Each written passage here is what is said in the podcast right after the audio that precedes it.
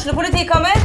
Ine Jansen er purk. Er du purk? The motherfucking bitch. Alt jeg vil, er å finne ut hva som skjedde med mannen min. Jon Carew. Er jeg sikta for noe? Iben Akeli. Det er du.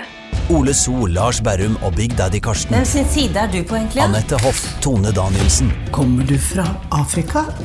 Jørnis Josef, Nesten. Kløfta. Trond Espen Seim, Det er synd å si det, men det var feil mann som døde. Purk. Premiere tirsdag på TV2 Play. Flaks han ikke skal til Hønefoss, si. Drukne på Gledeshuset. Eller i Hønefossen.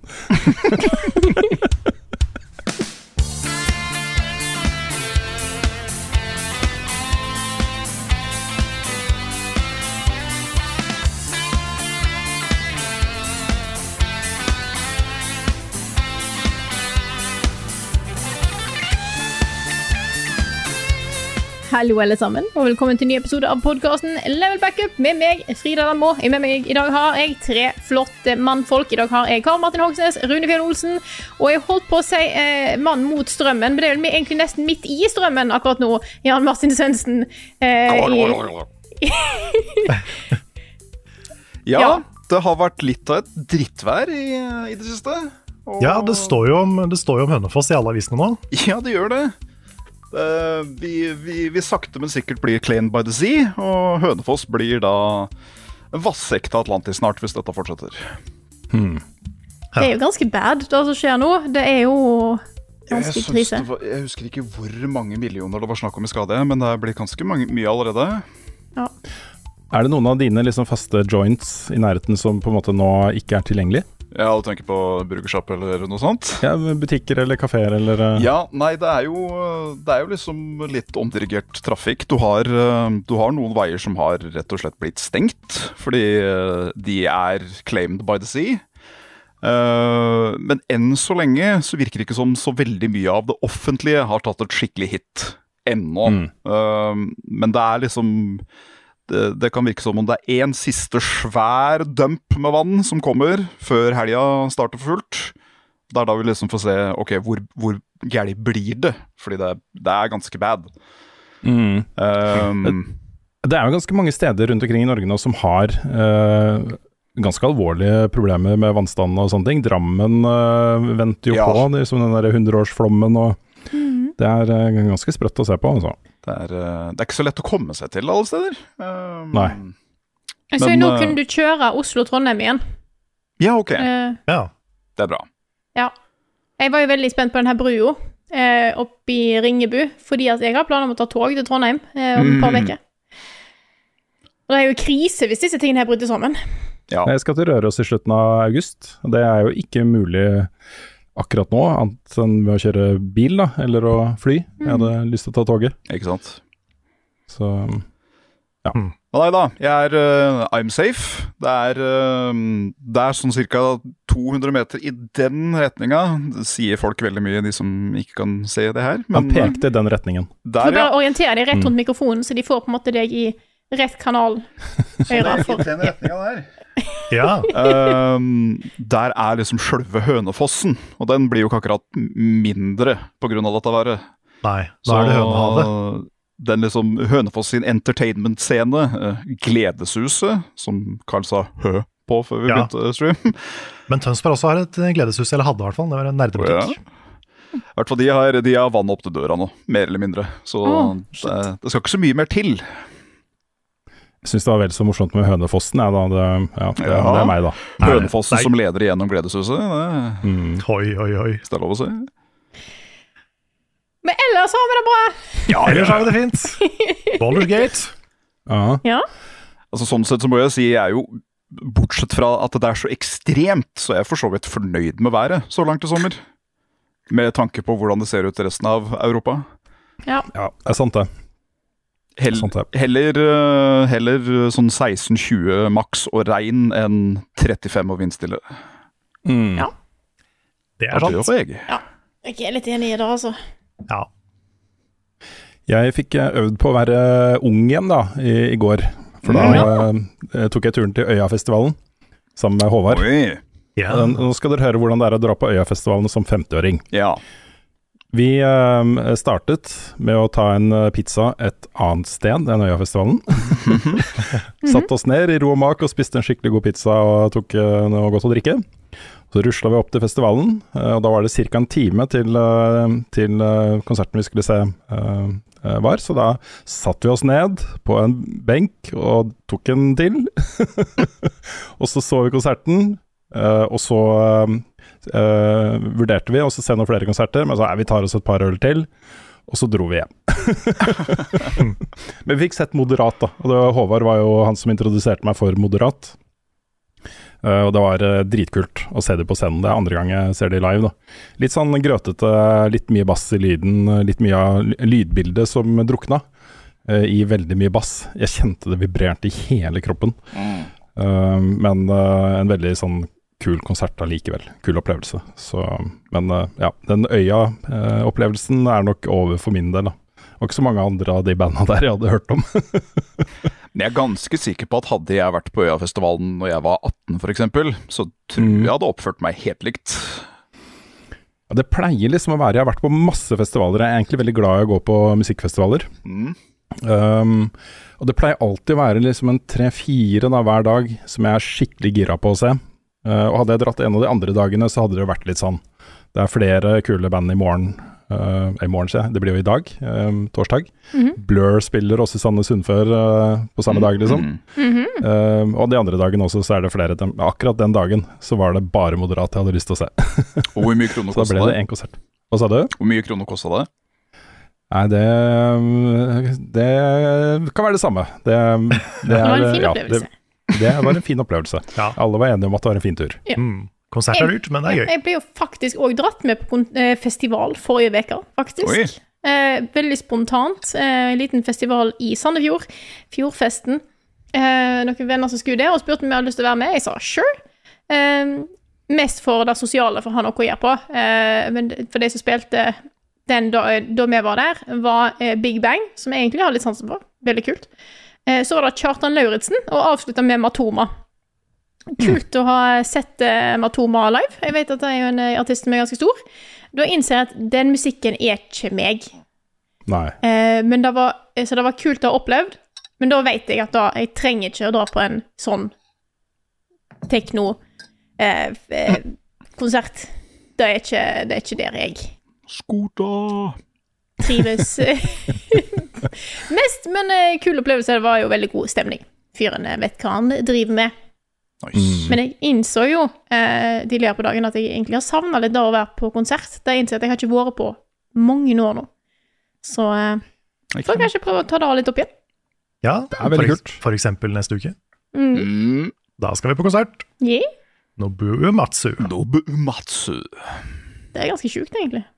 Det er ganske Ja, at han kommer til Norge, også til Sandefjord. Det var sånn Ja. Microsoft har kjøpt alle spillselskapene i Japan. Mario har blitt pensjonist. Half-Life 5! Hideo Kojima starter spillstudio i Bodø. Skyrim er nå tilgjengelig på Mars. Miyamoto har lagd en kano. EU forbyr teabagging i spill. Ukens hotteste. Ukens hotteste denne uka kan ikke være noe sjokk, tror jeg, for noen. Vi hadde jo en gigantisk eh, release var forrige fredag, og nå er det mange som har kost seg med å forsvinne ned i ganske tung RPG-spilling i Boulders Gate 3. Og jeg sitter vel med tre stykker her som har testa dette ut, så jeg bare gir ordet til dere. Jeg, vær så god. Kan jeg få starte, for jeg har lyst til å bare bygge det opp litt mer. Ja. Um, lanseringsdøgnet hadde da Boulders Gate 3 en peak på 472 000 spillere på Steam. Wow. Uh, senere i uken så har det kommet inn på topp ti. Altså det er nå det niende uh, største spillet med, med samtidige spillere på Steam. Med uh, over 700 000, og 712 000 samtidige spillere eller noe sånt.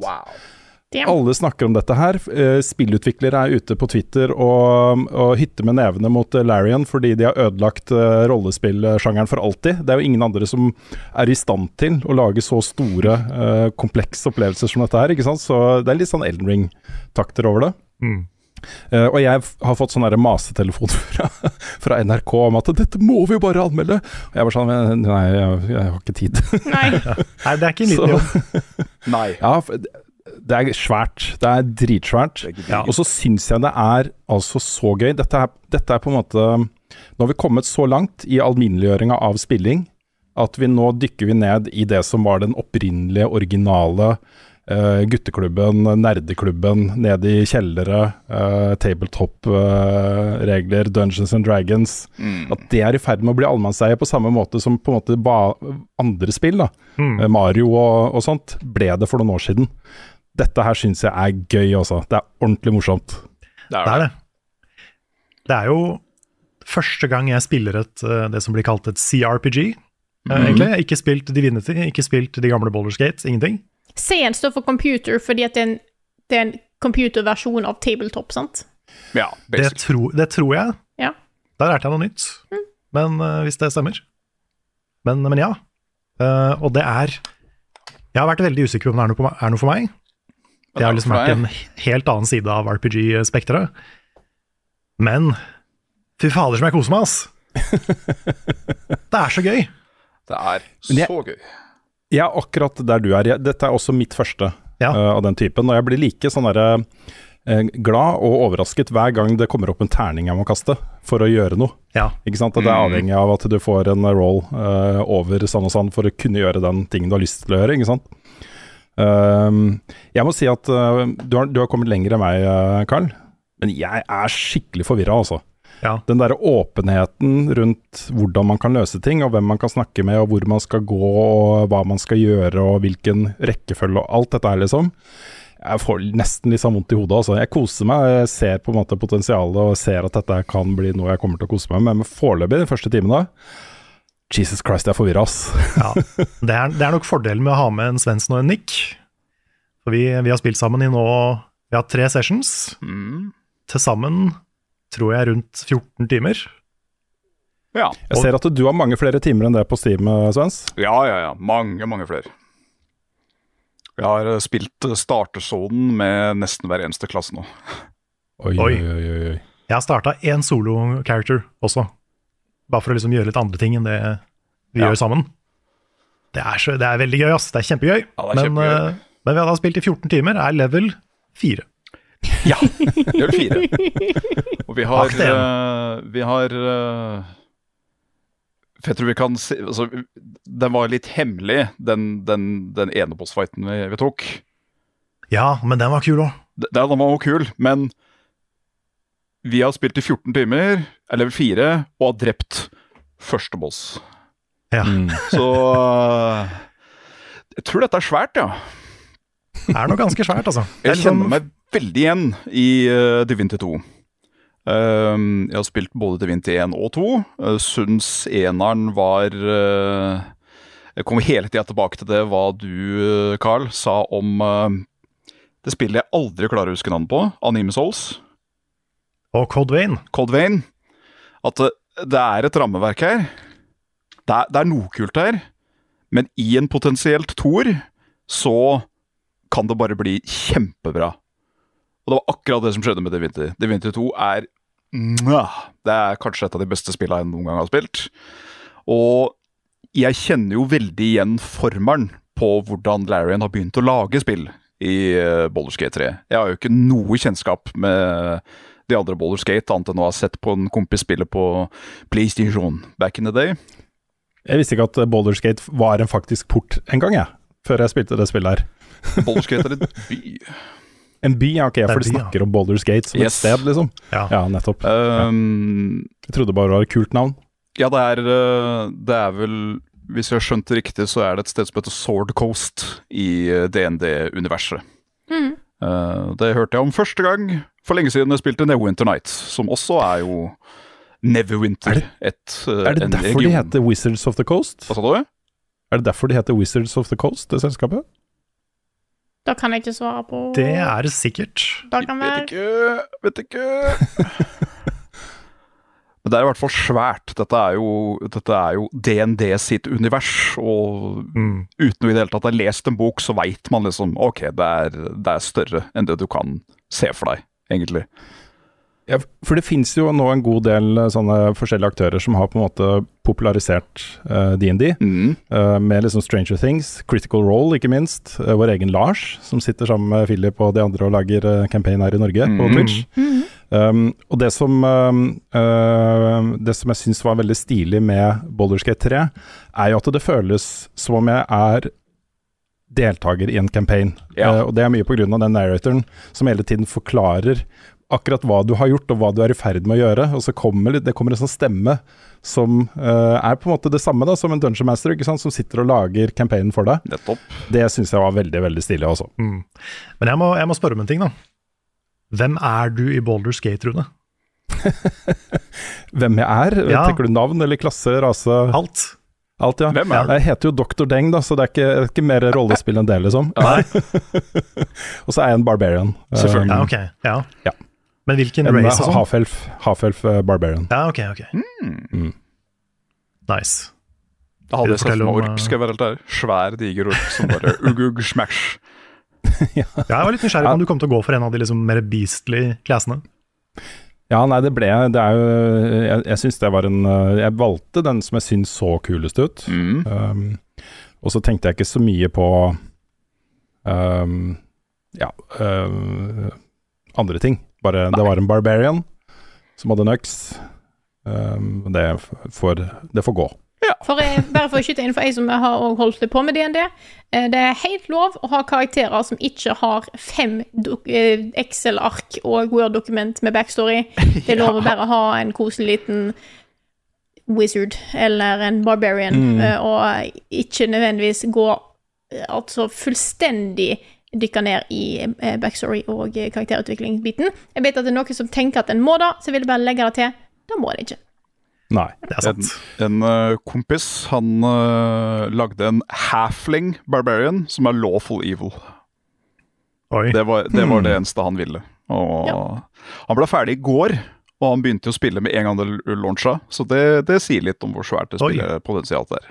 Ja, da har han spilt Ja. mye hver dag. Mm. Eh, Men Sven, jeg sliter skulle du mest Mm? Nei, skulle bare- bare høre om Sven ville si litt om sin character? Ja, Ja, gjør det. uh, um, nå husker jeg ikke hvilken rekkefølge det var, for nå har jeg laget så mange navn i det siste. Jeg tror det er noe sånn Senius av Sven, eller noe sånt. Stemmer. Som er en, uh, en thiefling, en, uh, en flyktende demon fra helvete sjøl. Begynte som fighter, er nå paladin. Nice. Og fly rundt med et brennende great sword. Jeg føler meg ganske kul. oi, oi. Det gjør du. Det klarte vi å få til deg. Og du da, Carl? Hvem er du? Nei, jeg er jo to da forskjellige, egentlig. Fordi jeg har begynt på en solo-character som er Edmund Bløys. Edmund Bløys. Og han er, eh, han er liksom the perfect hero.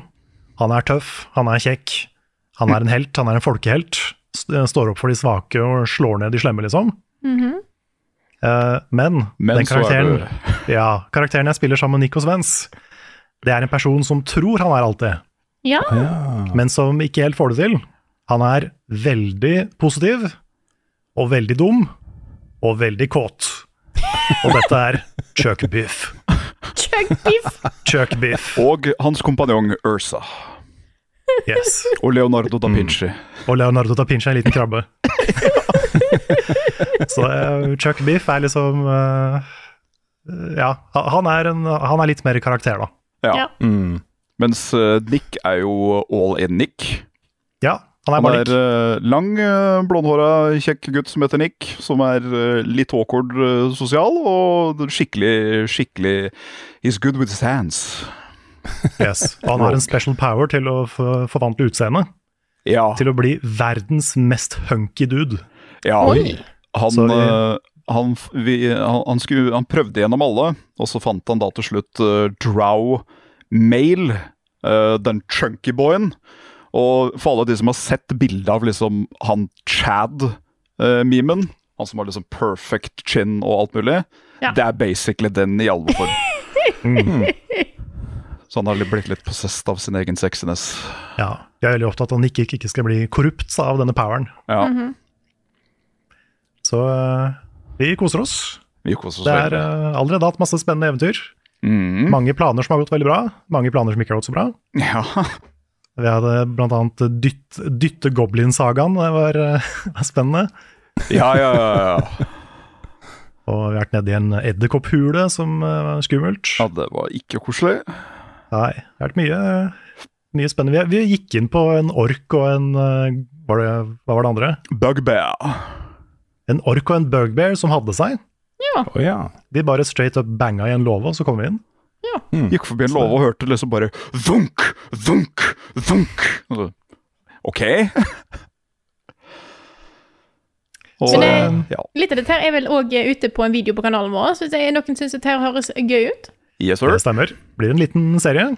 Vi har tatt opptak alt sammen, så det kommer, eh, kommer episoder så lenge det er interesse for det, egentlig. Ja, Det er kult. Jeg trenger egentlig en øh, Jeg skal se de. Jeg, må, jeg er nødt til å lære meg Det jeg sliter mest med, det er hvordan jeg slåss. Også hvordan jeg posisjonerer meg i kamper, og hva, hva, hvordan jeg liksom Hva jeg velger av uh, attacks og healing og rekkefølge og alt det der. Det Mm. syns jeg er kjempevanskelig. Ja, det er egentlig det beste jeg kan si til deg, er at uh, du er barbarian, ikke sant? Ja, Ja, akkurat som meg, du er litt fucked, ja ikke sant. rett og slett. Fordi uh, Melee er det mest upraktiske per se i dette spillet. Mm. Du er så devastating når du endelig kommer fram, men så var det det å komme fram, da. Ja, det er det. Takk gjerne tre turns før jeg er framme med det jeg skal slå på, ikke sant? Ja. Eh, men siden man nå er så sterk, så har man ganske lang rekkevidde på hoppet sitt. Som man Ja, har i det action-greiene. Så det er Ja, liksom å finne et litt høyere plan enn der hvor fiendene står, og så bare hoppe bort til dem. Det kan være Mhm. ganske effektivt. Det skal jeg ta med meg. Det er, det er mulig, jeg vet ikke helt hva som ligger av video på dette, hvis, eh, også på versjonen av podkasten som er på YouTube, men hvis det er Boulderskate-videoen, så kommer folk til å bare sitte og riste på hodet. Og sånn, nei, nei, nei, Rune. Hva er det du gjør nå?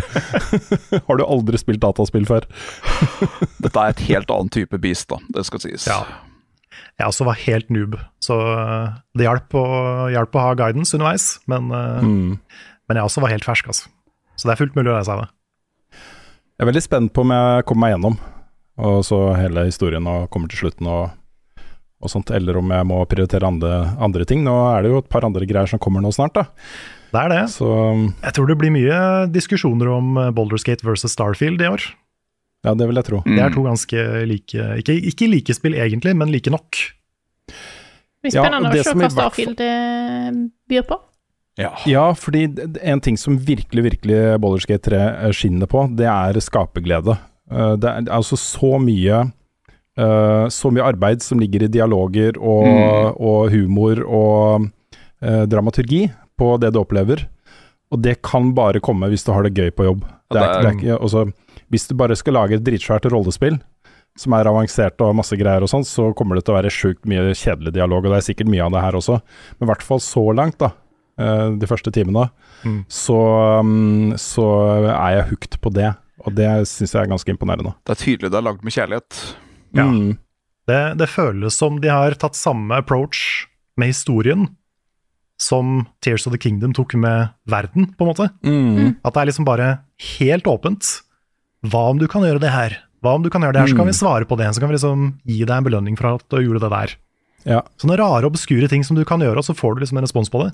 Og Ja, det hvor simpel eller hvor avansert du har lyst til å gjøre en encounter. Som med den der goblin-encounteren som du nevnte så vidt. Mm. Da, da skulle vi, vi skulle sette opp så mye Det, det endte med til slutt at vi dytta én utafor kanten, så alle var gruppa opp. Og så kasta jeg en tønne med krutt oppå de, og så kom en tredjemann og tente på. Det var bare sånn åh. Ja. Og de visste ikke at vi var der engang. De bare, plutselig så bare eksploderte hele gjengen. Ja. ja, for det var jo ikke deres tur. Det De måtte ikke vente. deres De tur. måtte vente, De måtte vente, Når de fikk en krutt, tønne med krutt i hodet, Yes. Ja. så måtte de jo vente til det var deres tur. Sånn er det med turn-based spill, altså. Ah.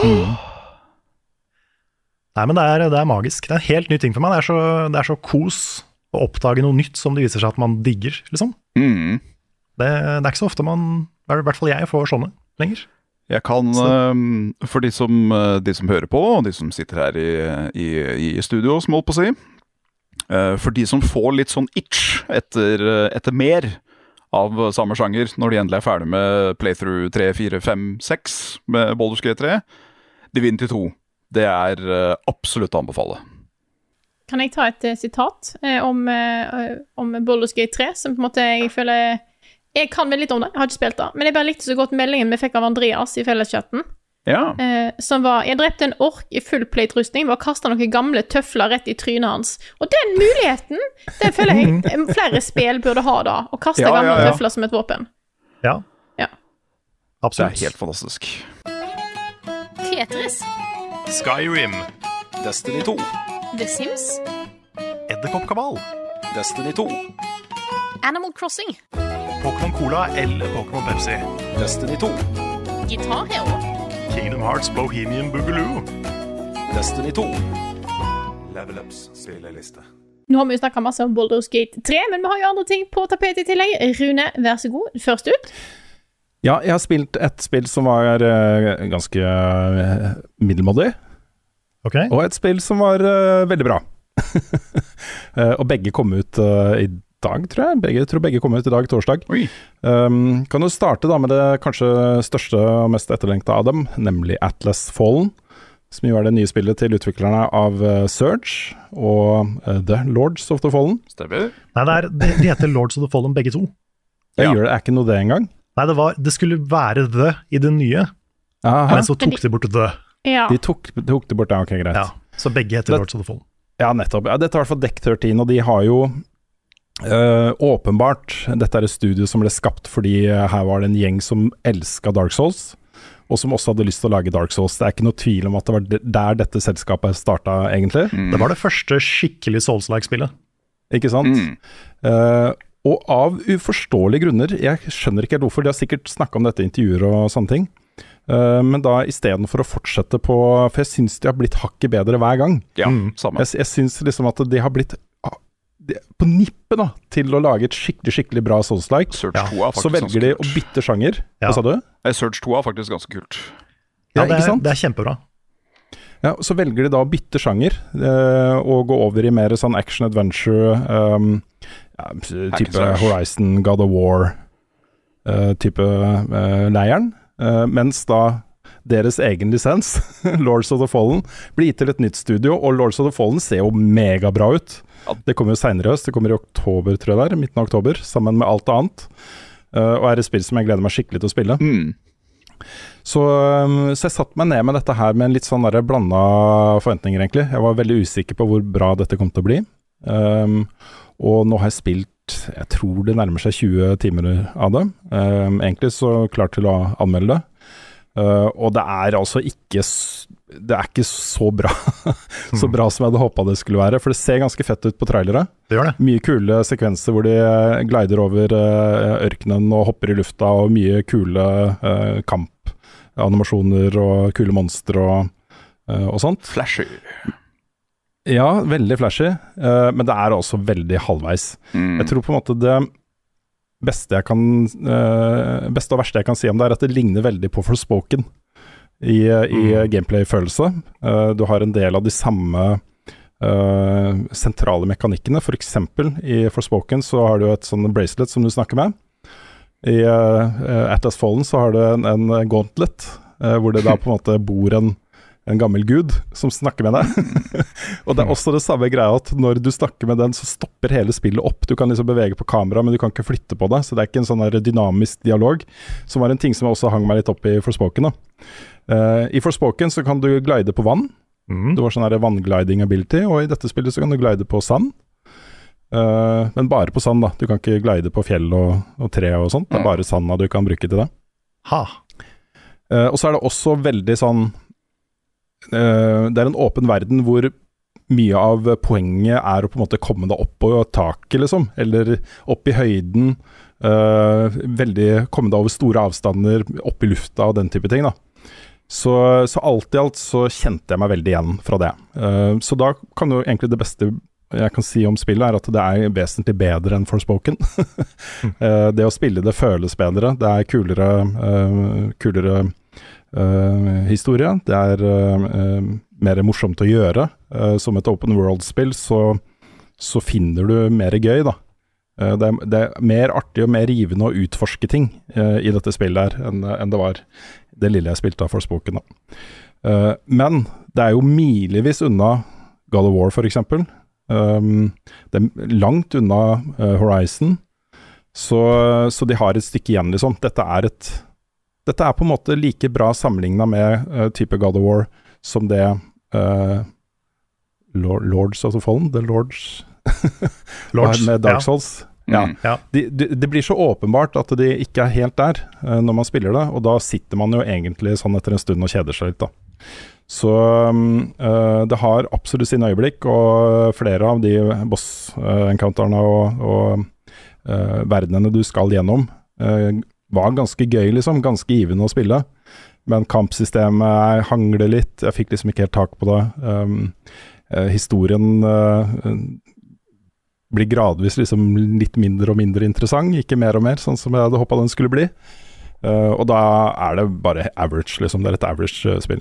Jeg tror nok jeg ender opp med å gi det liksom seks av ti. Er nok en karakter som Det er synd at de på en måte skal begynne på nytt igjen.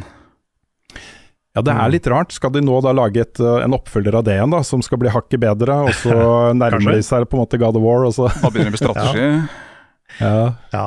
Jeg skjønner jo liksom impulsen, da. Man ville prøve noe nytt, men det er, det er synd ikke de eh, får det til bedre. Mm.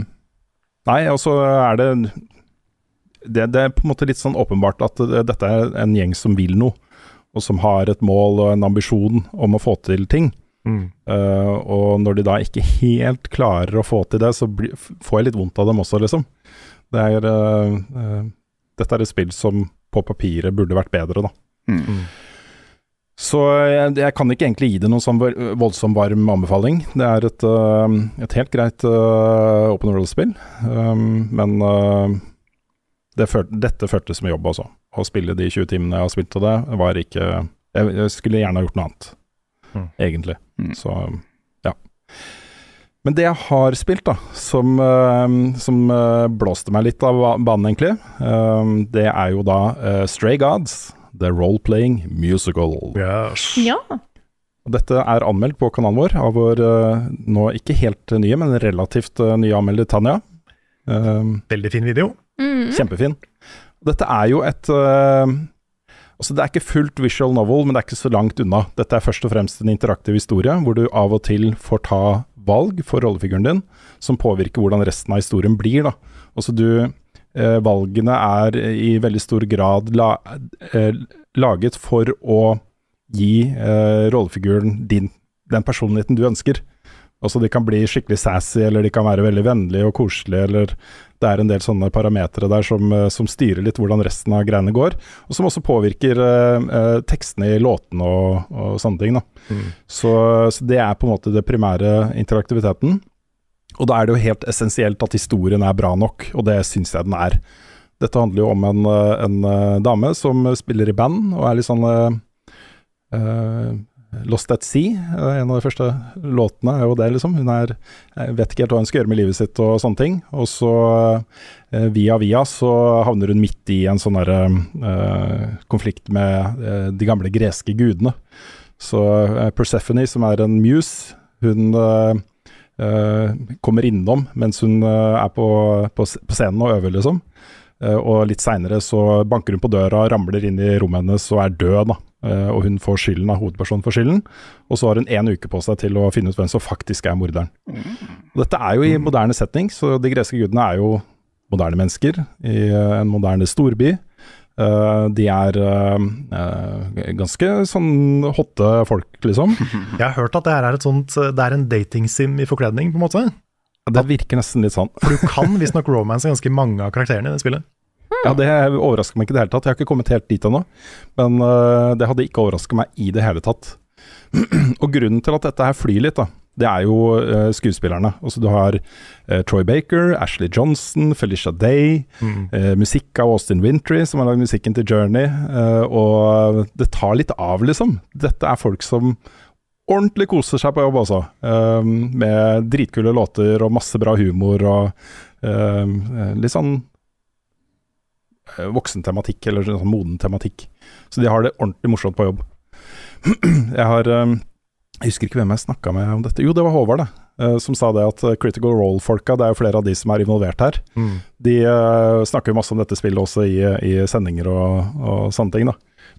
og dette er sånn hjertebarn, uten tvil. Jeg kan ikke huske om noen gang jeg har vært borti et spill hvor alle hovedpersonene driver og synger til hverandre. Med da Dette er music, musical-låter òg, ikke sant? Ja. Uh, sanger som drar plottet videre. Hvor du får plottpoenger og Ja, det er ikke så mange av de, ass. Det er noen. mm, Epic Mickey 2 er det første jeg kommer på. Det Ja, var en riktig. musikal. Og så er det vel Jeg har spilt noen flere, men jeg husker ikke i farta. mm. Nei, det nærmeste jeg kommer uh, av sammenligning for min del, er uh, musical-episoden til Buffy. Ja. One Small Mm. With Feeling. Som, eh, som også det, kom litt ut av det blå. ikke sant? Hadde gått i, i uh, seks-sesongen. Jeg tror det var i sesong seks den kom. Eller sju, husker ikke helt. Og så plutselig så begynner de å synge. Um, og igjen da, ikke sant, låter som drar plottet videre, og som kommer med store plottpoenger. Som er kjempeviktige for rollefigurene som synger og, og sånne ting. Eh, så det føles litt sann, da. Som et uh, sann type prosjekt. Så, så dette, var, dette var gøy, altså. Og det er eh, noen av disse låtene er litt sånn derre sånn som jeg, Grunnen til at jeg ikke er så veldig glad i musikaler, egentlig, er at det virker som om av og til melodien er litt sånn underordna. Det er mer sånn viktig at, øh, at de skal bare få sagt det de øh, skal si, da. At uh, hvis jeg plutselig begynner å synge sånn som dette Fordi nå lager vi podkast, og jeg skal fortelle hvordan musikaler fungerer Og dette er resten av podkasten! ja. ja, så det, det er den tingen som plager meg litt med musikaler. Mm. Men det er altså noen låter her som er genuint bra. Da. Uh, skikkelig catchy med dritkule melodier og sånt, og da løftes jo uh, konseptet litt ut av det igjen. Så jeg vet ikke, er det, er det noen andre som er skikkelig fan av musikaler her? Jeg har blitt litt mer glad i de med åra. Ja. Um, jeg var jo, da det kom, husker jeg at jeg elska Dr. Horrible singalong-blogg. Ja, ja, ja. Mm. Og det var en gammel uh, Zelda-parodi-komiserie som het Legend of Neil, som hadde en musikal som var veldig bra. Morsomme musikaler er jeg veldig glad i. Jeg husker at Spelmagasin hadde, en musikal en gang. Der kan jeg huske det var veldig gøy. Nei, det husker ikke jeg. Nei, Nei, jeg husker heller ikke det. obskure Nei. greier. Ja, var det denne for den? Var var det Level J the Musical? Ja, Jeg det tror må det var uh, Det må ha vært noe sånn der uh, Sånn power, power down, Det var sikkert veldig kleint. Den gjengen hadde jeg i hvert fall aldri backa på Patron. Nei. Nei. Det er sikkert. Eh, jeg kan si at jeg er egentlig ganske glad i musikaler, eh, men jeg har ikke vært liksom så Jeg kjenner en del som er sånn skikkelig into musikaler. Jeg har vært på et par eh, live eh, og sett noen musikaler. Det er kjempegøy hver gang.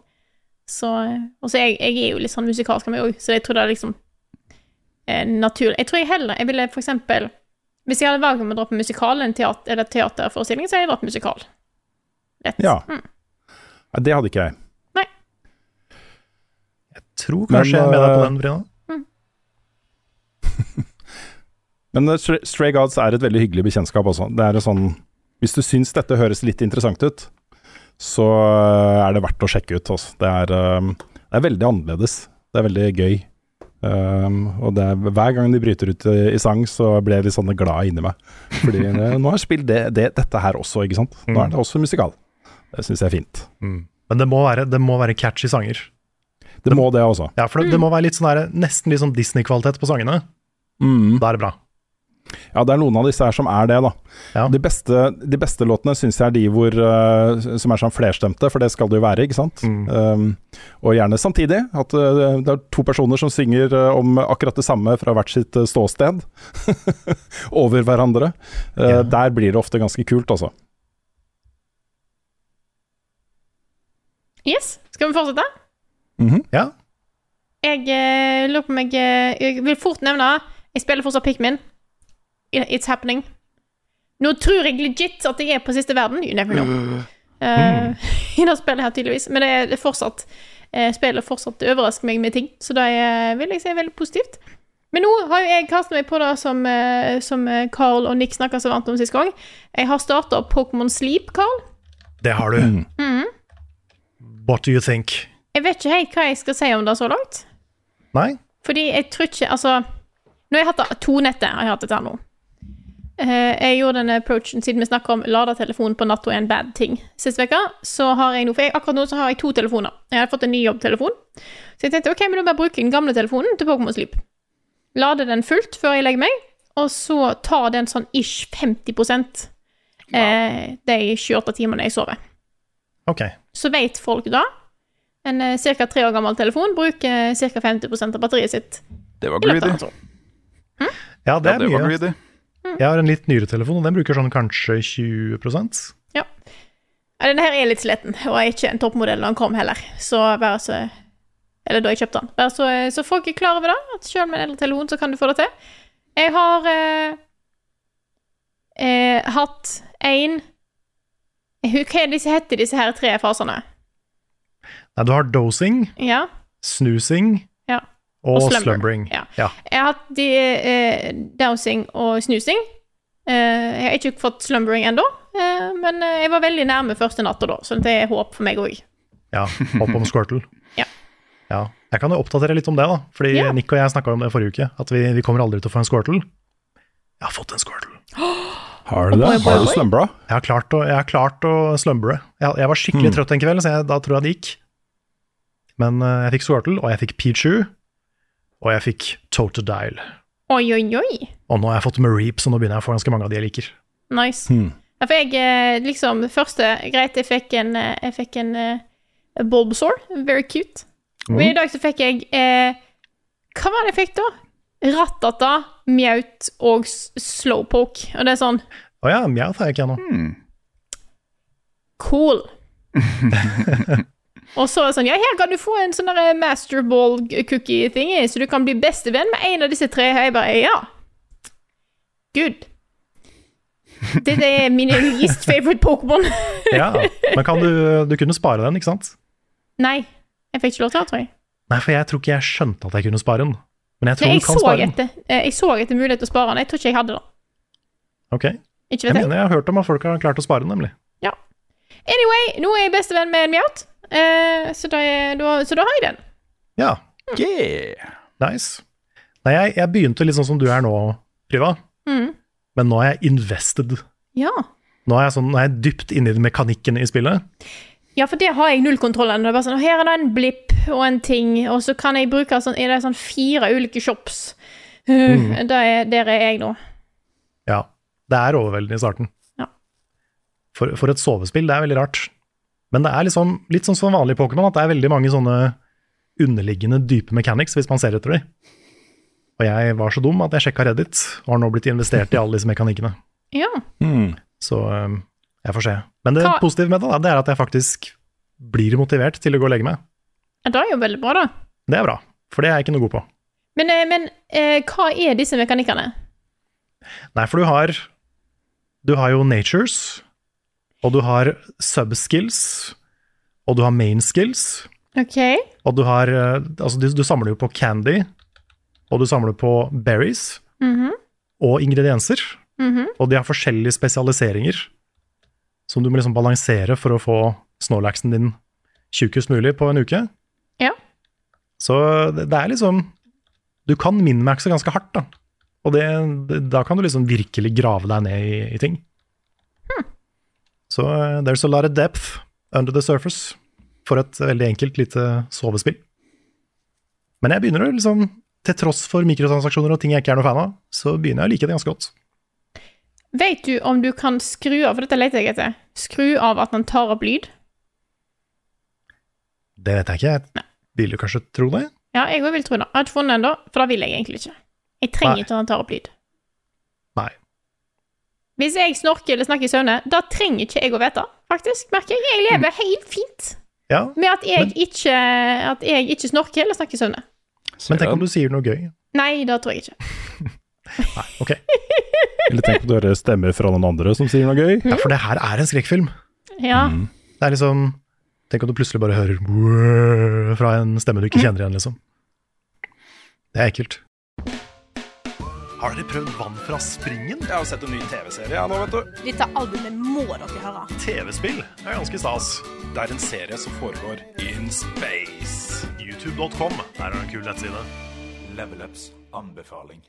Nå skal Rune komme med en anbefaling om noe som jeg har eh, hatt veldig lyst til å se, men jeg har ikke hatt tid ennå, så jeg håper at eh, det er positive ord som kommer. Altså, det er en anbefaling, da bare regner jeg med det. Vær så god, Rune. Jeg har sett en ny TV-serie, da, vet du. Det Ja, Akkurat som i vignetten. ja. Um, nei, altså, vi skrøt jo masse av The Bear, første sesong av The Bear, da den kom ut. Uh, og særlig Nick og jeg var jo storfans av eh, den sesongen. Um, uh, og nå har sesong to kommet. Um, eh, alt ble sluppet på en gang. Og Nick er sånn, han vil gjerne dra den følelsen ut så langt som mulig, så han ser bare en episode nå og da. Men jeg bare slukte alt på en helg, da. Så det er meg. Der ser du forskjellen mellom Nick og meg. Jeg ville ha alt med en gang. Uh, og dette er jo en serie om uh, en mesterkokk som vender på en måte hjem igjen etter at uh, broren dør. og han skal på en måte ta over familierestauranten. Og sesong én handler mye om det kaoset knytta til eh, vanndriften av den restauranten, og det at han prøver å få den opp igjen og uh, prøver å få liksom, de som jobber der entusiastiske for dette her, og så vokser det fram vennskap og nye uh, ferdigheter hos folk, og folk vokser som mennesker, ikke sant, så hele sesong én er jo mye det.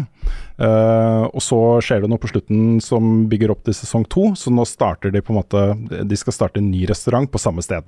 Så det er premisset for, uh, for, sesongen. Men dette er jo en serie som dels er veldig sånn matfokusert. Og du har en episode her hvor uh, en av rollefigurene reiser til en annen by for å hente inspirasjon. Uh, og den episoden er sånn Du går ut av det bare så sjukt sulten, fordi det er så mye Det er sånn matporno. Ja. Uh, så mye digge ting, og du, ba, oh, det, du, bare kjenner det i munnen hvordan dette smaker, ikke sant? Uh, så det er den ene delen av det. andre er jo det veldig, veldig menneskelige um, som foregår mellom disse rollefigurene. Og Det som jeg syns er så utrolig flott med sesong to, og sesong én var jo også bra på det, men sesong to er enda bedre Jeg tror Jeg kan ikke huske um, For dette har nesten litt sånn sitcom-oppbygging i formatet, liksom. Um, men vanligvis, da, så uh, i denne typen historier så føler jeg at det er liksom kanskje bare én eller to, maks tre rollefigurer som er veldig i fokus. Eh, her får også det som i utgangspunktet i andre serier ville vært mindre biroller, som bare kommer inn og har en morsom replikk her og der, liksom. De får virkelig, virkelig skinne, også. Så dette her er en sånn skuespillerserie med den ene enestående uh, skuespillerprestasjonen etter den andre. Og konsekvensen av det er at du blir jo skikkelig glad i disse folka her, ikke sant. Dette er, et, uh, dette er uh, fiktive, fiktive, liv du blir ordentlig engasjert i, og der sesong to også er så god på det der. Du blir også det er så mye spenning i hvordan det går med disse folkene, hvordan det går med restauranten, eh, hvordan forholdene deres utvikler seg eh, osv. At, eh, at det er nervepirrende på samme måte som en thriller er det, liksom. Og det er en grei prestasjon, altså. Um, og så vil jeg bare nevne også at uh, For dette var noe Nick gjorde meg oppmerksom på. Jeg holdt på å spoile hvilken episode det var, men utviklerne eller skaperne av serien har sagt at hver sesong skal ha det de kaller liksom en sånn superepisode. Uh, og jeg skal ikke si nå da, for Nick informerte meg om at han ville ikke vite hvilken episode det var, for han ville det skulle komme som en overraskelse. Men det er en av disse episodene her. Etter det så sendte jeg bare umiddelbart melding til Nick, ikke sant. 'Har du sett?' ikke sant. Og det er noe av det beste jeg har sett på TV noen gang, altså. Uh, alle som ser sesong to, kommer til å vite nøyaktig hvilken, hvilken, episode det er snakk om. Og det er bare til å glede seg. Og jeg bare, mens jeg så den, jeg bare så alle Emmy-prisene hagle på skuespillere, på regi, på manus, på alt, liksom. For det er altså så storslagent. Altså. Det er så bra. Jeg har, så ja. hvis du syns det høres kjedelig ut med en TV-serie om å starte en restaurant, uh, bare slå det fra deg. Dette er uh, så bra TV kan få blitt, altså. Um, oh. En, Det er sensasjonelt bra, rett og slett. Ja, nå gleder jeg meg, altså. Jeg hadde da jeg hørte eh, at sesongen hadde kommet ut Jeg vet ikke om jeg har fortalt det i podkasten før, så hvis jeg har gjort det, sorry. Hvis ikke jeg tar historien en gang til uansett. Da jeg hørte at sesongen hadde kommet ut, så det var ganske mye blest om den. Tenkte jeg OK, eh, nå må jeg få sett den her. Jeg hadde litt tid. Eh, betalte for Disney pluss, fordi at jeg hadde ikke Disney pluss fra før av. Det er der det er. Satt meg ned og bare sånn Hvorfor får jeg den ikke opp? Hvorfor får jeg ikke opp sesongen? Og da fordi at han var bare ute i USA. Oh, ja. Og dette var for en, sånn, en måned eller to siden. Mm. Som betyr at jeg betalte for en måned med Disney Pluss uten grunn, og nå har jeg betalt en ja. ny måned for å se den. Ja. så var jeg litt sånn irritert. jeg var så klar Jeg var så klar for å ha uh, The Bear sesong to, og så viste det mm. seg at jeg, jeg, bor i feil land. Mm. Ja, Men nå, sånn er det noen ganger. Ja, nå, nå bor jeg i rett land. ja, nei, det er kjempebra. Det er kjempebra. Dette er uh, uh, Det har gitt meg en helt ny respekt for det å drive restaurant. Og så folk som er, er kokker og som, som, lever av det, liksom. Og lager matopplevelser for andre. Uh, men jeg er også bare imponert over nivået på alt der, liksom. Fra dialog og manus og skuespillerprestasjoner og, og sånt. Det er en, en fest, altså. Det er en fest å se på. Så get on it, guys.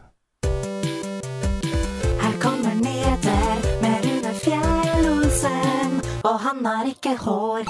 Spillutgiveren Take-Two har hatt eh, et eh, møte for sine aksjonærer, hvor de har informert om at eh, det neste finansåret kommer til å bli et rekordår med svimlende høy inntjening. Og hva kan det være, folkens? Hva kan det være? Hva det kan være for noe, altså. Ja, det er jo eh, GTA 6, Grand Theft Auto 6. Ja. Garantert de snakker om der, uten at de sier det rett ut. Nå har de jo sagt at de jobber med GTA 6, at det kommer og sånne ting. Eh, Men nå har vi fått et lanseringsvindu, da, som eh, løper fra eh, eh, 1. april neste år til da slutten av mars eh, 2025. Så det, jeg tipper det nok da kommer neste høst, da. Jeg er veldig spent på å se mer fra det spillet. Også. Det har vært masse lekkasjer og ting som har havna ute på nett og, og sånne ting. Men uh, man skal liksom ikke glemme at hver gang de har kommet med et nytt GTA, så har de på en måte løfta, løfta lista litt for hvor landet skal ligge på open world og uh, immersion og den type ting, altså. Uh, og i mellomtiden der så har vi også fått Red Dead Redemption 2. Så, um, så dette er uh, big deal. Og jeg er enig i, i um, Take Two om at det kommer til å bare renne inn sånne her trillebårer med penger inn i det selskapet når GTA 6 kommer ut. Du skal, ikke, du skal ikke glemme at i, mer- eh, siden GTA 5 kom ut, som har fått ganske mye andre titler, eh, GTA 5. eh, GTA 5. GTA 5. Ja. Og jeg tror GTA 5 òg kom ut faktisk der i tillegg. Altså, Det kan hende. Jeg skal, jeg skal google det nå. Ja. uh, nei, fordi Nå skal jeg se om jeg bare får opp um, eh, eh, salgstallet her. For det er jo noen millioner som har um, Ja, ja. Det altså Mengden GTA 5-kopier som er solgt totalt, er jo helt svimlende høy. Oh, Gud, Det er jo et spill de har eh, tjent mye penger på, eh, men jeg regner med at den nye den ekstreme summen de tenker å få inn snart, det er ikke ny GTA 5 på Faen, hva skal de gi han ut på nå, da?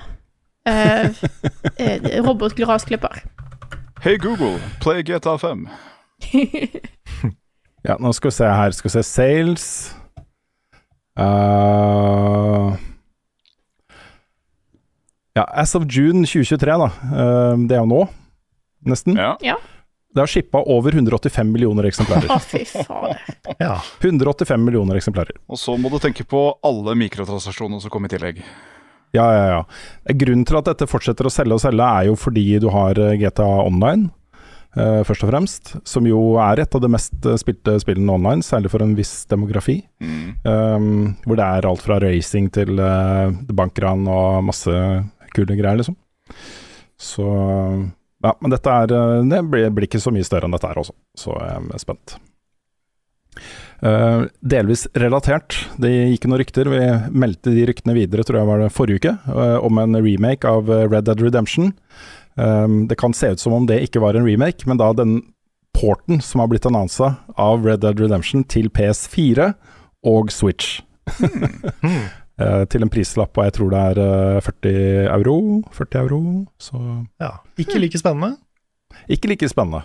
Det er en ren port, ettersom som jeg har forstått det. Så eh, det beste man kan si om det, er at det nå er tilgjengelig på et par andre plattformer da, enn det det har vært på, tilgjengelig på før. Ja, det har ikke vært på PS4 før. Mhm. Ja, hadde ikke vært på PS4 før. Jeg tror ikke det. Nei. Det er uansett uh, Dette er et spill jeg kunne godt tenkt meg å sett bare en full remake av, da, i, GTA, i Red Dead Redemption 2 Engine. Det hadde Det hadde kunne blitt ganske bra. Et annet rykte vi snakka om i forrige uke, var jo uh, Call of Duty Modern Warfare 3. Um, har nå blitt uh, bekrefta. Um, 10. november. 10. november. 10. Eller det var kanskje et par uker siden vi snakka om det. Mm. Um, det har blitt eh, også nevnt, da, det lille vi har, har fått vite, er jo Du så liksom i den teaseren noen uh, recurring characters, Uh, karakterer da fra Modern Warfare 1 og 2, som uh, er med videre. Men det er også blitt sagt at ting du har kjøpt i spillet, i Modern Warfare 2, vil kunne bli med da, videre i Modern Warfare 3. Og da er det vel kanskje først og fremst snakk om nye Warzone, vil jeg anta. Men eh, ja. Det, det kommer.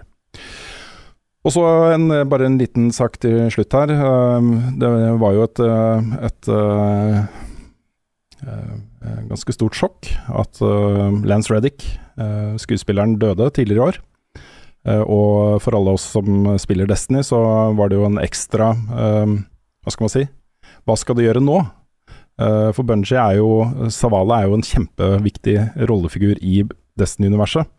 Uh, og nå har da uh, Bungie vært ute og sagt hva de skal gjøre med det, og det er at de har, skal erstatte Reddick med en skuespiller som heter Keith David. Som noen kanskje kjenner fra sin rolle som Captain Anderson i Mass Effect-trilogien. Ja. Um, han er uh, uh, Arbiter Tel Valdim i Halo-serien. Uh, også hatt en del stemmeskuespillerroller i uh, Rick and Morty. Uh, så um, de sier jo da at, at dette er en for viktig rollefigur til å liksom ikke, ikke ha den med videre. Så Mm. derfor så erstatter de den med ny skuespiller. Han har en kul stemme, men det er nesten ingen som har en så kul stemme som det Lance Reddick hadde. Altså. Den der Nei, det bassen er i stemmen hans var, så, den var noe eget, ass. Ja, det er utrolig ikonisk, og han vil jo um, bli huska for veldig mange andre uh, roller, selvfølgelig. Fra The Wire og alt mulig rart. Uh, men Horizon. uh, for oss hmm? Horizon. Ja. Fringe. Horizon også, selvfølgelig. Ja.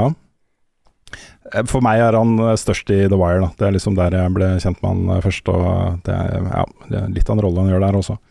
Men i spillform så er det selvfølgelig Destiny, og hvor ikonisk Savala-rollefiguren har vært der. Mye pga. Lance Reddick. Så jeg er spent på om, eh, om eh, Keith David klarer å følge opp det også. Hva er hennes best, hvordan fredag sist? Har Carl egentlig sopp? Ukens spørsmål.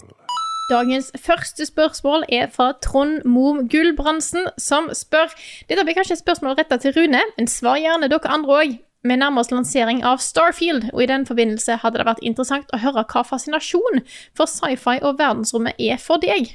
For mange kan det være fantasien om all teknologien vi ikke har tilgjengelig i dag, hvor langt vi kunne kommet i utviklingen, hvordan en kommer seg der.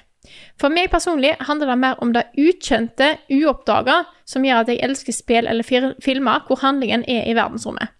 Har du òg samme fascinasjon for utforsking av havets djup? For meg går disse litt hånd i hånd, da begge handler om det ukjente, ettersom jeg kun utforska en bitte liten prosentandel av havets bunn på kloden vår. The Abyss er for øvrig en must see, parentes see fordi sjø, film, syns jeg. Ha en strålende dag, strålende dag. Gleder meg til podkasten. Rune, du er jo kjent for å være glad i sci-fi. Ja da, jeg er det, men jeg er også Altså, jeg er spesielt glad i sci-fi, og det handler nok mye om um, også, hvis, hvis man er opptatt av å besøke andre verdener, da, eller å utforske ting, eller noe sånt, hva er bedre enn å utforske noe som ingen har utforska før i det hele tatt, liksom? Hvor du kan bruke alt du har av fantasi til å finne opp hva som finnes der ute og sånne ting. Så er det nok mye der det kommer fra. Uh, men jeg har alltid liksom som barn og ung vært glad i å bare dra på oppdagelsesferd, ikke sant. Eh, nedlagte fabrikker, eh, spionert på bonden, den skumle bonden der vi bodde. Gå i skogen og komme til kule steder hvor jeg kunne forestille meg at her, ikke sant, borg og Vært veldig sånn fantasidrevet på, på lek, da. Eh, og det ble jo direkte eh, linken inn i bøker også.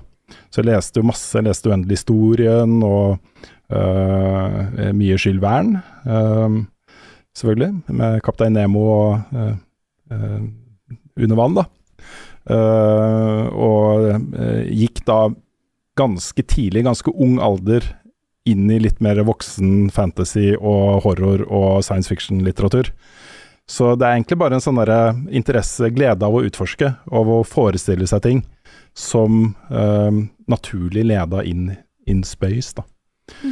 Så eh, jeg vet ikke jeg, kan, jeg kommer ikke på den ene filmen eller boka eller et eller annet som, eh, som virkelig trigga den der space-interessen for meg, men uh, jeg husker jo at, uh, at i en periode da jeg var ung og dum, var veldig opptatt av en, en uh, forfatter, og jeg bruker det i ordets løseste mening, i anførselstegn til og med, eh, Erik von Deniken, som jo kom med masse bevis da, for at uh, Inka f.eks. De, de fikk besøk av aliens og uh, pyramiden her, ikke sant. Ja. Masse sånne data om, uh, om uh, Dette må bare komme fra utenomjordiske, ikke sant. Åh, det hølet var jeg også i eh, for mange år siden. En gang. Jeg syns det var kjempespennende. Ja, ja. Det var kjempespennende, ikke sant. Jeg fant en sånn der eh, Geocities nettside som hadde masse bevis. Det var veldig Ja. ja, det er en ny forfatter, jeg husker ikke hva han heter, forfatter, forfatter, forsker, et eller annet, som eh, går rundene nå da, på Joe Rogan og på alle og snakker om liksom, de samme tingene som eh, Erik von Deniken snakka om. Eh, og Det er bare sånne eh, tullegreier liksom, om hvor pyramidene egentlig kom fra. og Det er jo umulig å bygge disse pyra- pyramidene, og er dere klar over hvor uh, perfekte de er? og Det var, fantes jo ikke noe teknologi, ikke sant. Det er samme regla om igjen, da. Um, men um, jeg syns det var veldig fascinerende. Det er en sånn som Stargate, for eksempel. Mm. Den der de finner ikke sant, en eh, alien-teknologi gravd ned under jorda, og så får de det til å virke, og så er det en portal inn til et annen, en annen galakse, ikke sant. Um, eller Interstellar og gjennom eh, ormhull og sortehull og sånne ting. Er, altså jeg, blir, jeg kjenner det bare bobler inni meg. ikke sant? Det er så spennende å tenke på. Jeg tror for meg så handler det om, på en måte, det handler om teknologi. Mm. Um, så på en måte bare ute i verdensrommet med vår teknologi nå Det er jo kult òg, altså hallo, jeg, jeg digger jo For All Mankind, men eh, men det er liksom det som er sci-fi for meg, er mye ny teknologi og mye kreativitet rundt bruken av teknologi. Eh, men verdensrommet tror jeg traff meg Jeg vet ikke helt når jeg fikk fascinasjon for dette, her, men jeg kan veldig distinkt huske at eh, på barneskolen, i tredje eller fjerde klasse, så hadde vi prosjektet vi skulle skrive om en av planetene. Eh, og jeg husker at jeg, fikk, jeg skulle skrive og lage en liksom sånn poster-ting om Uranus. Og jeg husker at det var dritkult! Å, dritkult! Planeter og ting! Og da, det, jeg husker fortsatt den, den tingen i meg, da. Eh, så jeg trodde det var der jeg fikk litt fascinasjon for det. For meg, havets djup, nei. Don't, no, go away. Det er, der er det mørkt, det er djupt. Mørkt, ukjent, no. Eh, Ja, verdensrommet, åpent. Lys. Good. Da er, da er min eh, Altså fortsatt, ja, OK. Er det, jeg skal aldri noen gang ut i verdensrommet. Men jeg skal heller aldri ned i sjøen. Nei. Jeg er sånn derre Jeg tror jo at eh, i eh, Kanskje, da. Kanskje min levetid så åpner det første hotellet på månen. Kanskje, liksom. Det, det skal de til også, men i hvert fall eh, jeg, jeg tror det vil være mulig å eh, bestille tur på eh, tur ut i verdensrommet Ja. før jeg dør. Fordi at da er, er jo eh, Det kom en artikkel, eh, en nyhetsting om det her, sånn en halvtime før vi startet podkasten. Så skrev NRK at nå har de fløyet de første turistene til verdensrommet. Det er det eh, Virgin Galactic som har fløyet turister til verdensrommet. Mm. Så eh, det er Nei takk. Nei takk. Det er nesten sånn at jeg håper jeg får en sånn dødelig sykdom som gjør at jeg kan bli med til Mars. liksom. Men bare nesten AP. Ja, det er bare nesten. Ja. Jeg ville jo ikke gjort det Men du kan, ikke, du kan ikke bli med til Mars uten en dødelig sykdom? Nei, fordi på, jeg hadde aldri sett barna mine igjen, ikke sant. Ja, sånn, ja. så, så det måtte jo vært en sånn, den siste tingen jeg gjør, Ja. ikke sant. ja. Tre ting om venstrerommet, hvis det er greit? ja. Uh, den ene um, Alltid vært morbid fascinert av Warhammer, eh, og da spesielt 40 000. Igjen fordi at det er så svært, det er så uendelig svært, og det er så mørkt, og det er så jævlig. Uh, ta gjerne et MMO i den setninga, f.eks. Det har vært kjempegøy. To, det er det da at enten så er det liv der ute, eller så er det ikke noe, og begge alternativene er vel egentlig ganske skumle. Ja. Det er dritkult. Og så Så lenge jeg kan huske uh, Vet ikke når jeg begynte å dippe tærne mine i, i, i um, Lovecraftian horror og slikt. Men det er liksom Det er ingenting av det etablerte i et spill, et, eh, en bok, en film, som er skummelt. Det er det du bare enten ikke forstår, fordi det er så fjernt fra hva som er liksom menneskelig virkelighet, eller bare det du aldri kan se, aldri kan ta, aldri kan føle på, men du veit er der. Mm. Så Men tror du vi får noe særlig av det i Starfield, da? Altså, det er et uh, Starfield har jo et sånn der mysterium. Du har en artifact som er uh, delt opp i mange deler, som du skal finne og samle sammen og sette sammen til uh, Og du vet jo ikke hva den gjør. Nei. og det er, litt, det er litt den derre Altså, det aller, aller, aller, aller beste med Halo, det er å finne ut hva den Halo-ringen er. Mm. Altså det å lande på den, det er atmosfære der, ikke sant. og det er installasjoner og maskiner og teknologi. Du bare vet ikke hva det er for noe, må finne ut av det. Det er på en måte den type eh, romopera som trigger ting i meg. da. At uh, her er det noe, ikke sant. Og i Halo så er det jo Forerunners, Mm. som er en sånn eldgammel sivilisasjon som nå er utdødd, men restene er igjen. ikke sant? Og du må utforske disse restene av den sivilisasjonen og etterforske ting og finne ut av ting, ikke sant. Eh, og det er den biten av Starfield som jeg er mest interessert i. Det å um, grave opp i det mysteriet der. Mm. Ja. Jeg tror Hvorfor har du så... spilt DLC-en til, til Outer Wilds, Rune? Jeg får ikke tatt det gode. Ja, Ja, det må, du stemme må spille. Ja. Mm. Jeg har alltid vært Ja, mer den. Jeg har alltid vært mer fascinert av aliens enn verdensrommet i seg sjøl. Mm. Så, sånn som du kan si mye negativt om Mass Effect Andromeda, men det at det var en first contact-historie, eller i hvert fall hadde det i seg, da, Mm. det syns jeg var kult. For det er spennende. Det er liksom møte en ny sivilisasjon som du ikke vet noen ting om. Mm. Det er spennende. Så det, jeg tror For meg da, så hadde Jeg hadde vært mye mer forhåndsgira på Starfield hvis de hadde hatt mer sånne Mass Effect-type aliens i seg. For Mm. det, det er mer spennende for meg, tror jeg. Kan hende de kommer, da? Kan hende de kommer, you never know.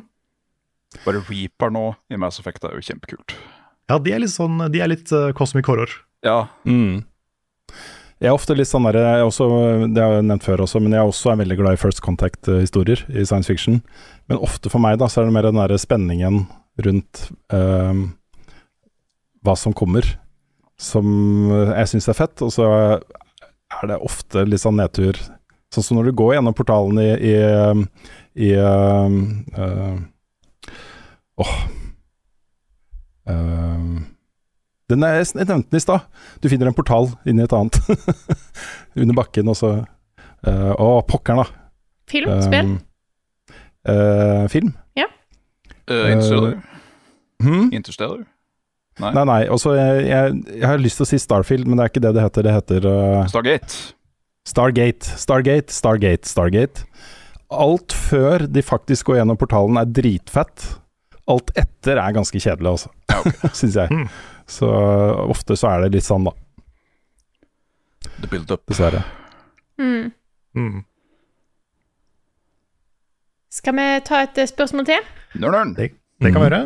Da trenger jeg hjelp fra Carl. Jeg, Ja. Kan jeg bare få si en ting til først? Ja. Beklager. Men det er én sånn tanke som har vært i hodet mitt helt siden jeg fikk den første gang. Eh, Jeg kan tenke på det mange ganger i uka, og av og til over ganske lang tid. Men den derre Kommer vi til å få oppleve First Contact selv? Kommer vi til å skru på nyhetene en dag, eller TV-en en dag? Eller noen ringer og sier 'du må skru på TV-en'! Ikke sant? Og så er det et stort romskip som henger over New York, eller et eller annet. Mm. Tenk om vi får opplevd noe sånt, da! Det er en sånn greie som holder deg våken om nettene, og som jeg fortsatt går og liksom dagdrømmer om, da. Ja, det er like kult som det er skummelt. Ikke sant? Ja. Men jeg liker å være litt naiv, da. Jeg liker å tenke at liksom, hadde de vilt utslette oss, hadde de gjort alt. Mm. At liksom, kanskje de Kanskje det er fordi de ikke tør å snakke med oss, fordi vi er så Vi kriger så mye og sånn. Jeg tror ikke de Mm. gidder. Nei. Hadde de hatt teknologien til å nå oss, så hadde de sendt signal Ikke at nødvendigvis vi kunne ha Altså Si at vi ikke kunne ha mottatt det, men det kan vi jo, for det er bare bølger. Vi tar, vi tar jo imot bølger i alle På hele det elektromagnetiske speltet. Mm. Elektromagnetiske spektere! Takk. Ja. Men kanskje de, kanskje de med vilje ikke gjør det, ikke sant? for at de gjorde det en gang, og så fant de oss, og så bare nå venter vi og ser. Ja, Og så må vi være de- worthy for at, de, for Ja. at vi skal være en del av det galaktiske universet, ikke sant? Vi må Mm. klare å plukke opp signalene, ellers så er de ikke interessert. Mm. ja. Eller så er, er resten av universet såpass eh, intellektuelt som er ganske sånn low-key. Så er det en sånn eh, intergalaktisk lov om at ingen kontakter menneskeheten. med, er bare sånn freda liten klump. Ja, for vi Med er en sånn backwater beans. planet, er jeg sikker på. Du har liksom Mm. Sork i kvadrat uh, XY som bare klarer ikke raskere uh, light travel. Åh, vi får, vi De har, de har ikke funnet opp floink engang, liksom. Hæ? De har ikke funnet opp floink engang. Nei. Nei. Jeg prøver ikke også å starte noen ny krangel her, og vi trenger ikke å dra det ut i det vide og breie, men jeg vil jo bare få nevnt da, at uh, vi hadde jo en diskusjon om eh, Man of Steel eh, i disse filmpodkastene våre i sommer. Mhm. Det er jo en first contact-historie, det, Carl. Det er det, men det er ikke det vi har i en Supermann-film. Nei, men det er, det er, er mye derfor jeg liker den. Ja. Litt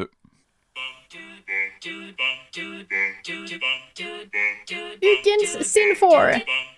Nobuo Uematsu kommer til selveste Norge og lille Sandefjord for å holde konsert. Hva andre spillmusikkomponister drømmer dere om at skal holde konsert i Norge med spillmusikk de sjøl har komponert? Og nå er det jo eh, Dette er jo spørsmål fra eh, Trond Sinfor Borgesen, et eh, kjent navn eh, når det kommer til spørsmålsstilling her hos oss. Og, og vi skal jo på konsert neste helg. Det skal vi! Det skal Eller vi. ikke. Ikke jeg, da. Jeg skal ikke på konsert. Nei, nei, du skal Nei. ikke. Men du var på for er konsert fordi forrige jeg helg. syns- det- Ja, og det er fordi jeg syns han lager skikkelig dårlig musikk, så jeg har ikke lyst til å Nei, dra. det gjør du ikke, det. Nei, det gjør du ikke, tenk. Jeg bare tuller, jeg bare tuller. Jeg bare tuller. Bare tuller. Prøver å trekke noen tråder her. Ta det tilbake. Jeg tar det tilbake, jeg tar det tilbake med en gang. Blasfemisk. Nei, ja, han er jo, om ikke en av de, så i hvert fall kanskje den største i sitt felt, tør jeg Ja, det, er nok, det er nok han og Koji Kondo som er de, de aller mest Mm. sånn kjente spillmusikantene, tror jeg. Han har vært Ja. med lenge og har lagd eh, mye slegers. Det har han. Han er nok den komponisten jeg har hørt mest på i hele mitt liv. Mm. Det er jo egentlig litt sjukt da, at han skal nå til Norge og Sandefjord. Jeg tror det er noen på retrospillmessa som har eh, kontakta, eh, eller har, har jobba og sannsynligvis jobba jæklig hardt for å få til dette her, for det er jo stort. De har fått noen svære navn opp igjennom oss. De har det. Og han begynner jo å bli såpass opp i åra òg at det, dette blir nok kanskje første og siste gang han kommer til Norge. Det tror jeg, så dette er, dette er muligheten for å, for å se Man han skal live. aldri si aldri, da. Dere har Nei, fått det- at uh, det, det har uh, Oppover kysten nå så har det kommet rapporter om en kjempestor sånn derre yacht som har uh, gått liksom fra port til port, eh, fra havn til havn. Det er jo Gabe Newell, Ja, ikke sant? så det, det er litt morsomt. Nei, altså, det er, det er jo stilig, for dette er jo dette er ikke en, det er ikke så symfonisk. Han har jo med seg et lite band, Mm. så jeg er veldig spent på dette her, altså. Åh, tar han med seg Black Mages? Jeg tenkte litt på det, fordi det er et metal-band. Å, fy fader. Tenk om vi får One Winged Angel fremført som vi på en måte har lært oss å kjenne den som. Jeg har et lite håp om at han skal dra fram The Black Mages på slutten og spille den. Altså. Det blir en det fuktig kveld, hører. Ja, det blir, uansett så blir det veldig spennende. Det blir det. Da blir det 18-årsgrense ja. på episoden her også, gitt. Hva sa Holdt jeg? på å ta inn Hønefossen igjen, men jeg velger å Ja, ikke gjøre det. Men ja, nei. Uh, Ja, det fins jo Det jo andre folk òg som er flinke til å lage spillmusikk. Mhm. Og denne er kanskje litt juks, fordi det, det er jo ikke én bestemt regissør. Det er liksom, det er lite konglomerat. Men blant annet Jason Hayes og Tracy W. Bush. Uh, en liten gjeng som har komponert alt som er av World of Warcraft-musikk. Og det å få yeah. en symfonisk kveld med liksom Arthur's My Son og alle de der Å, herregud. Det, det Det hadde vært en begivenhet. Hmm. Jeg eh, har en litt sånn interessant eh, liste her, for det er litt sånn, det er litt her og der. Eh, den starter, tror jeg, med Og jeg husker ikke hva rekkefølge er på navn, for Japan er vanskelig, men eh, Senoe Jun, han som har lagd veldig mye Sonic-musikk, og er gitaristen i Crush 40. Kom Ja, igjen! herregud, ja.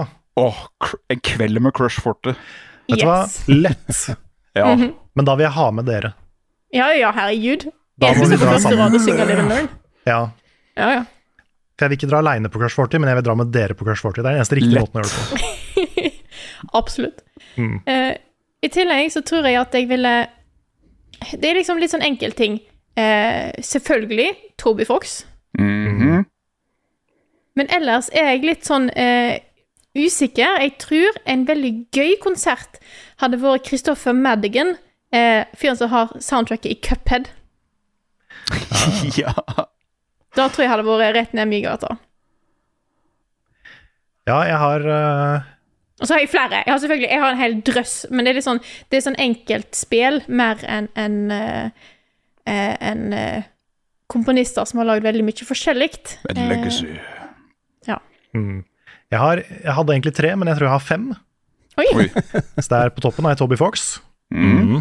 Uh, jeg har uh, Yasunuri Mitsuda, Krono Trigger og Krono Gross. Jeg har eh, Grant Kirkhope. Åh, ja. Han har jo laga alle de klassiske liksom, Nintendo 64-soundtracka og de tinga der. Men han har da dukka opp på Retrospillmessa, han, har han ikke det? Jo da, han har Jo, vært der. han har vært Ja. der. To ganger til og med. Jeg tror til og med han skal dit eh, nå. Jeg tror David Wise dit også. Mm.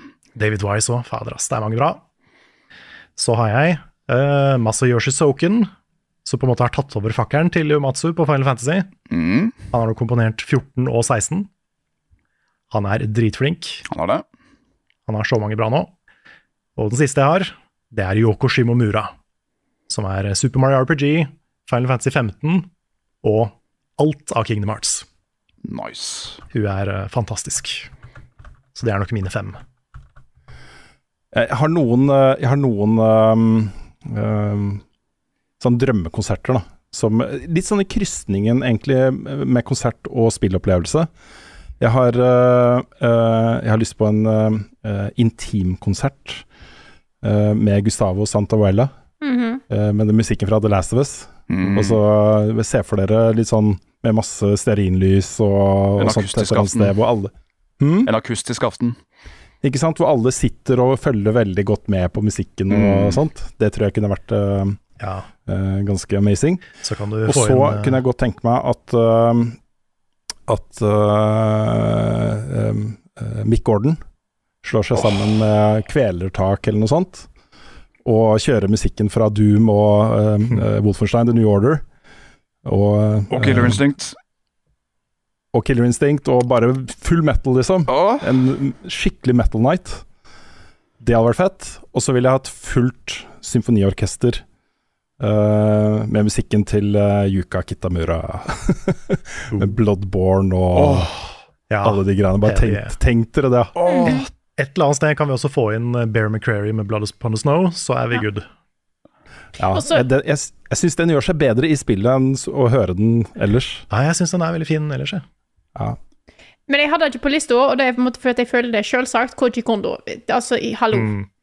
Få, få han inn med, med symfoniorkester og bare la han uh, i I, wanna hear it all.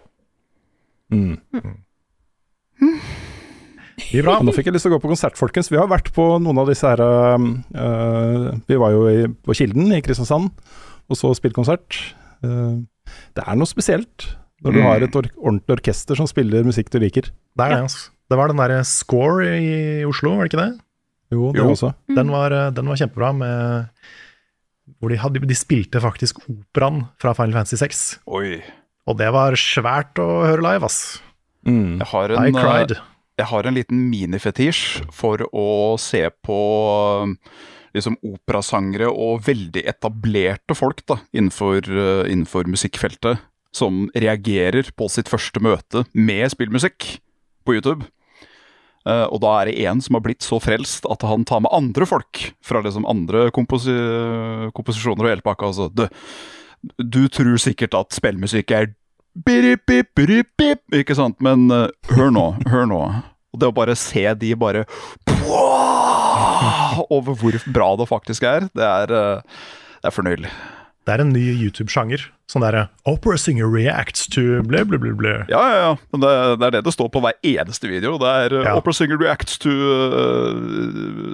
Zelda-musikk, for eksempel. Ja. Og han sitter der liksom og bare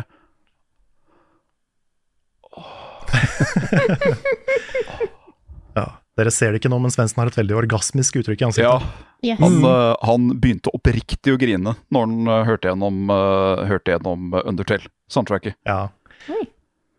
Det skjønner jeg godt, for det gjør jeg òg. Ja. Når, eh, er, er det His Song den heter? Den Ja, ding, ding, ding, ding, ding, ding, Ja, ja. ding. Når den begynte, da ser du hele fyren bare Oi, der var det Mm. noe nostalgi som kicka inn. Det er noe med soundtracket To The Moon nå, ass, som bare instant emotions. Ja, jeg har skjønt det. Hørte det gjennom Nick, at det, that, that's bad. Jepp. In altså, good- in a good way. ja. Jeg vil bare anbefale folk, hvis dere bor i nærheten av en plass der det er et uh, symfoniorkester Det er mange av de storbyene våre som har det. Uh, Oslo, Trondheim, Bergen. Uh, ta Jeg pleier ofte på høsten, starten av høsten, f.eks. rundt nå, ta en kikk på hva som er i programmet deres det kommende året. For der dukker det av og til opp ting. Eh, jeg har oppdaget, Der har de konsert, filmmusikkonserter, de har spillmusikkonserter. Sånne ting dukker opp. Eh, det er ikke alltid så lett å få det med seg i alle andre kanaler. Så eh, ta en kikk. Se om et symfoniorkester nær deg skal ha en konsert med eh, stilig program. Eh, det er verdt å få med seg. Jeg skal også anbefale å høre på denne podkasten her, for her finner du en som er eh, crushed 50. Crushed 50. Åh, du, har crushed 50, du har det. Jeg har det. Dette er derfor de heter det, fordi de har crusha 40. Mm. Skal vi ta et eh, spørsmål til? Har du et på laget, Rune? Ja. um, de har det. Mhm.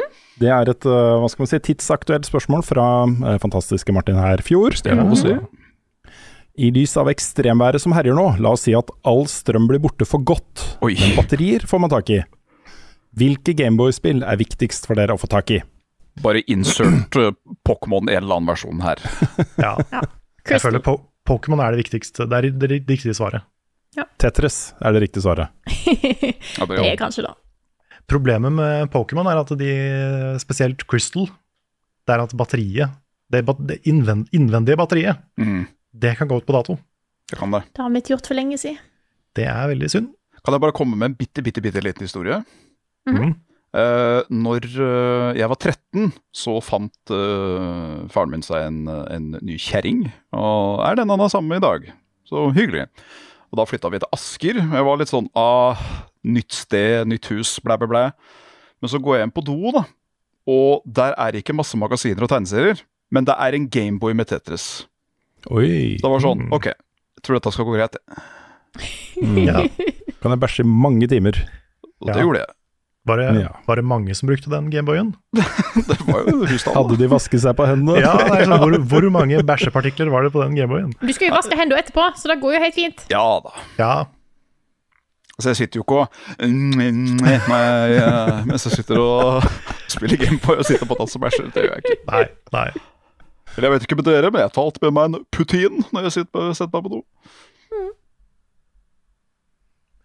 Ja, har vi noe mer, eller skal vi runde av der? Er det spørsmål eller podkasten? Eh, begge deler? Det var ikke så mange som svarte. Jeg, jeg tror jeg hadde gått for, jeg hadde gått for et eh, Pokémon. Jeg tror jeg hadde gått for Pokémon Crystal, bare fordi den har to verdener. Takk for meg. Mm, mm. Ja. Dere hadde gått lei, jeg hadde aldri gått lei ja, med Tetris. Ja, men det, Et? Pokémon-spill har jo hundretalls timer i seg. Ja Jo, for du, kan, liksom, du kan shine-hunte hvis du blir lei, liksom. Men da har du allerede mange titalls timer bak deg før du i det hele tatt trenger å tenke på shinehunting. Mm. Nei, jeg tror kanskje